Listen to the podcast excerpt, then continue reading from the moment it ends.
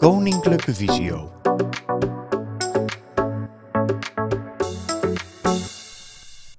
Deze beeldopname is ook goed te volgen als je alleen luistert.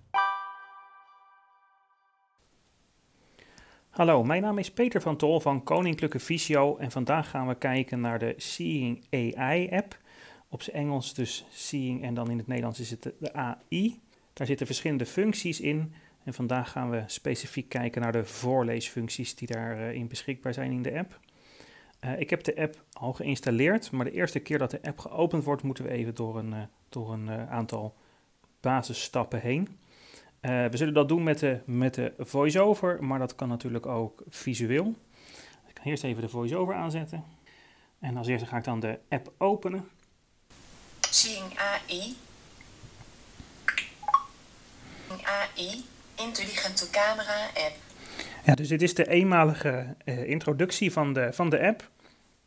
En het makkelijkste eigenlijk gewoon om die over te slaan. Um, want er zit heel veel informatie in. Um, het is natuurlijk altijd te lezen, maar voor nu ga ik links onderin op het scherm.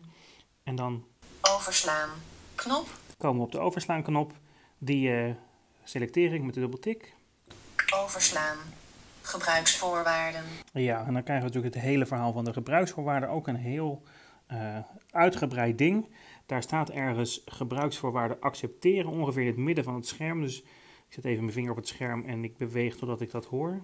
Seeing AI is niet altijd nauwkeurig. Gebruiksvoorwaarden accepteren, selectievakje, niet geselecteerd. Ja, dus als ik hoor selectievakje zit ik goed, ik dubbeltik. Gebruiksvoorwaarden accepteren. Dat betekent dat het uh, uh, vinkje erin staat en dan onder waar ik net was, bijna onderaan in het midden van het scherm, aan de slag. staat aan de slag. En die dubbeltik ik weer. Aan de slag. Attentie. Seeing AI wil toegang tot de camera. Ja, de, de app moet de camera gebruiken om foto's te maken van, uh, van teksten.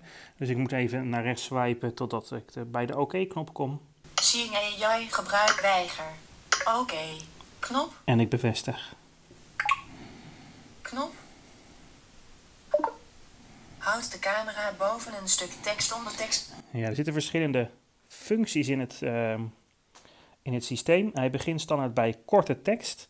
En de eerste keer dat je een van die functies oproept, uh, gaat hij uitleggen hoe die functie werkt. In dit geval voor de, voor de korte tekstfunctie.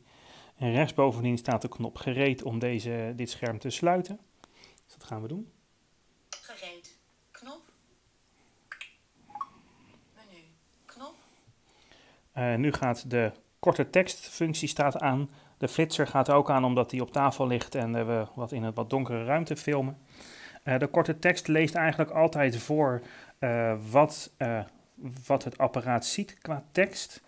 Er zijn een aantal dingen die je daarvoor kan gebruiken. Het is niet handig om daar een, ja, een blaadje onder te leggen met veel tekst, want dan gaat hij bijvoorbeeld halverwege de tekst lezen. maar bijvoorbeeld wel op wat misschien op een op een doos staat. Dus ik heb hier wat voorbeeldjes. Diepri, diepri, sluiting, diepri, zakjes. Maggi, variatie, wat extra groenten. Dus de korte tekstfunctie leest constant eigenlijk voor wat hij, wat hij ziet. Maar helemaal als er dus meerdere informatie op het scherm staat, uh, ja, je weet niet precies wat hij gaat lezen. Uh, dus dat maakt het wel eens lastig. Je zou bijvoorbeeld in de lift kunnen gebruiken om te kijken wat op welke verdieping is.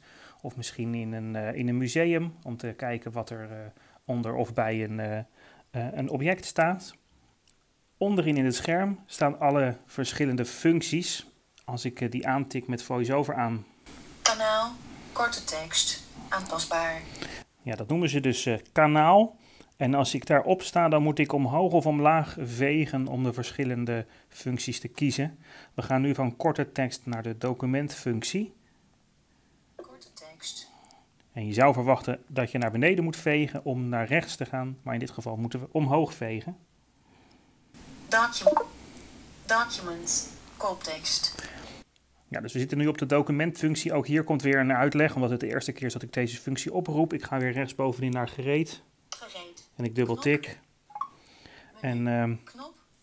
deze is eigenlijk uh, ideaal voor blaadjes, dus ik ga er een blaadje onder leggen. Eh, Het kan een A4'tje zijn, dit is iets kleiner. En dan ga ik eigenlijk mijn telefoon optillen. Geen randen zichtbaar. En dan hoor je dat hij gaat zoeken naar de randen van het blaadje. En op het moment dat alle... is niet zichtbaar. Recht houden.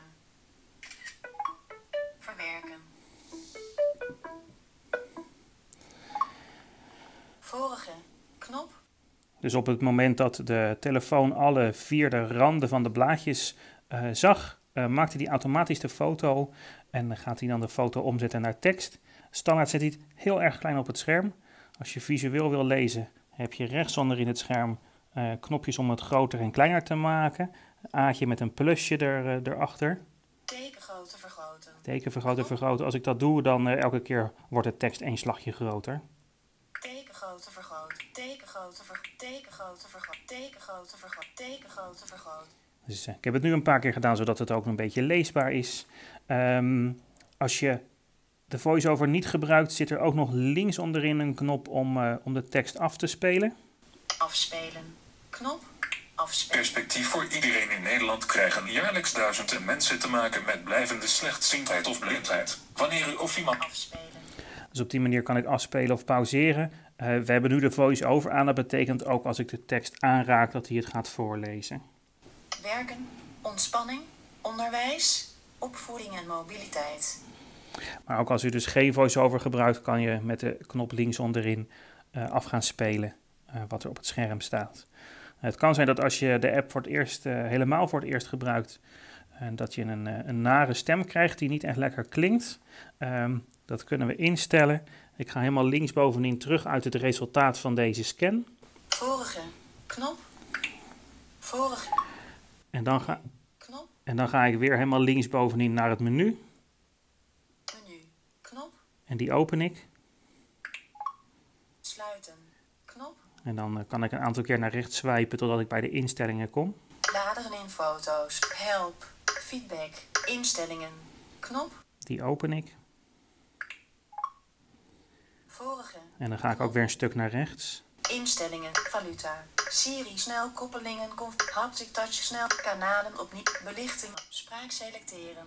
Knop. Ja, dan heb ik de keuze spraak selecteren. Deze instelling heeft geen gevolg. Deze instelling. Rij 1 tot En hier staan eigenlijk alle stemmen die uh, ingeïnstalleerd zijn op de, iP uh, of de iPad of de iPhone. Dus je kan hier kiezen tussen de Claire stemmen of Ellen of Xander. Xander. Het enige jammer is dat we niet kunnen kiezen voor de Siri stemmen. Dus de nieuwe Siri stemmen staan hier uh, niet tussen. Vond je deze informatie nuttig? Kijk dan eens op kennisportaal.visio.org voor meer artikelen, instructies en podcasts. Heb je een vraag? Stuur dan een mail naar kennisportaal.visio.org of bel naar 088 585 5666. Wil je meer weten over de dienstverlening van Koninklijke Visio? Ga dan naar www.visio.org. Koninklijke Visio, expertisecentrum voor slechtziende en blinde mensen.